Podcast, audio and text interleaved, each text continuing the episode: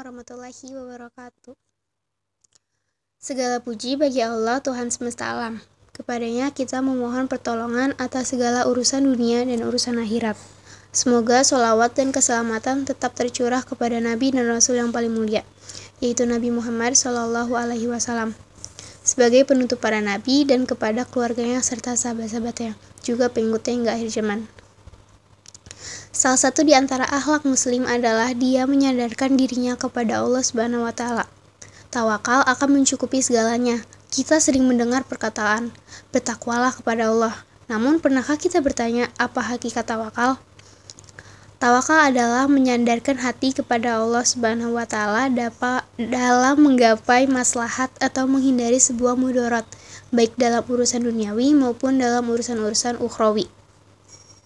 Sehingga semua harapan yang diharapkan oleh seseorang yang menerapkan sifat tawakal ini benar-benar digantungkannya kepada Allah Subhanahu wa taala, yaitu mengantungkan kepasrahan dirinya dan hatinya hanya kepada Allah. Tawakal merupakan sifat yang dicintai Allah Subhanahu wa taala. Oleh karena itu, seorang muslim wajib memiliki akhlak yang mulia ini. Seseorang muslim, seorang muslim harus menyerahkan seluruh urusannya kepada Allah Subhanahu wa taala. Seorang muslim meyakini bahwa tanpa bantuan, inayah, dan taufik dari Allah, dia tidak akan dapat melakukan apa pun. Tidak ada urusan yang dapat dia selesaikan. Seorang muslim juga meyakini hanya Allah yang mampu memberi dan menahan sesuatu.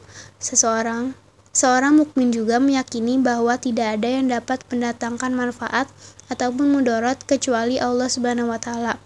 Maka dari itu, seseorang muslim menyandarkan segala urusannya hanya kepada Allah.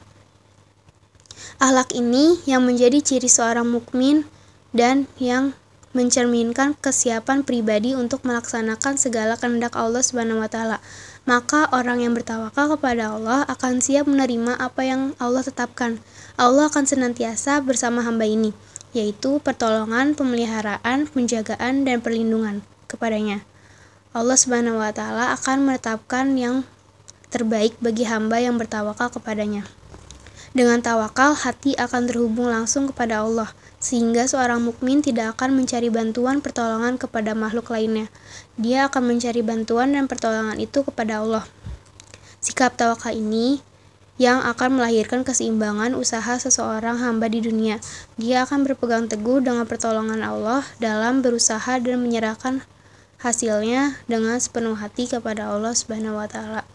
Sekian kultum hari ini, kurang lebihnya mohon maaf. Wassalamualaikum warahmatullahi wabarakatuh.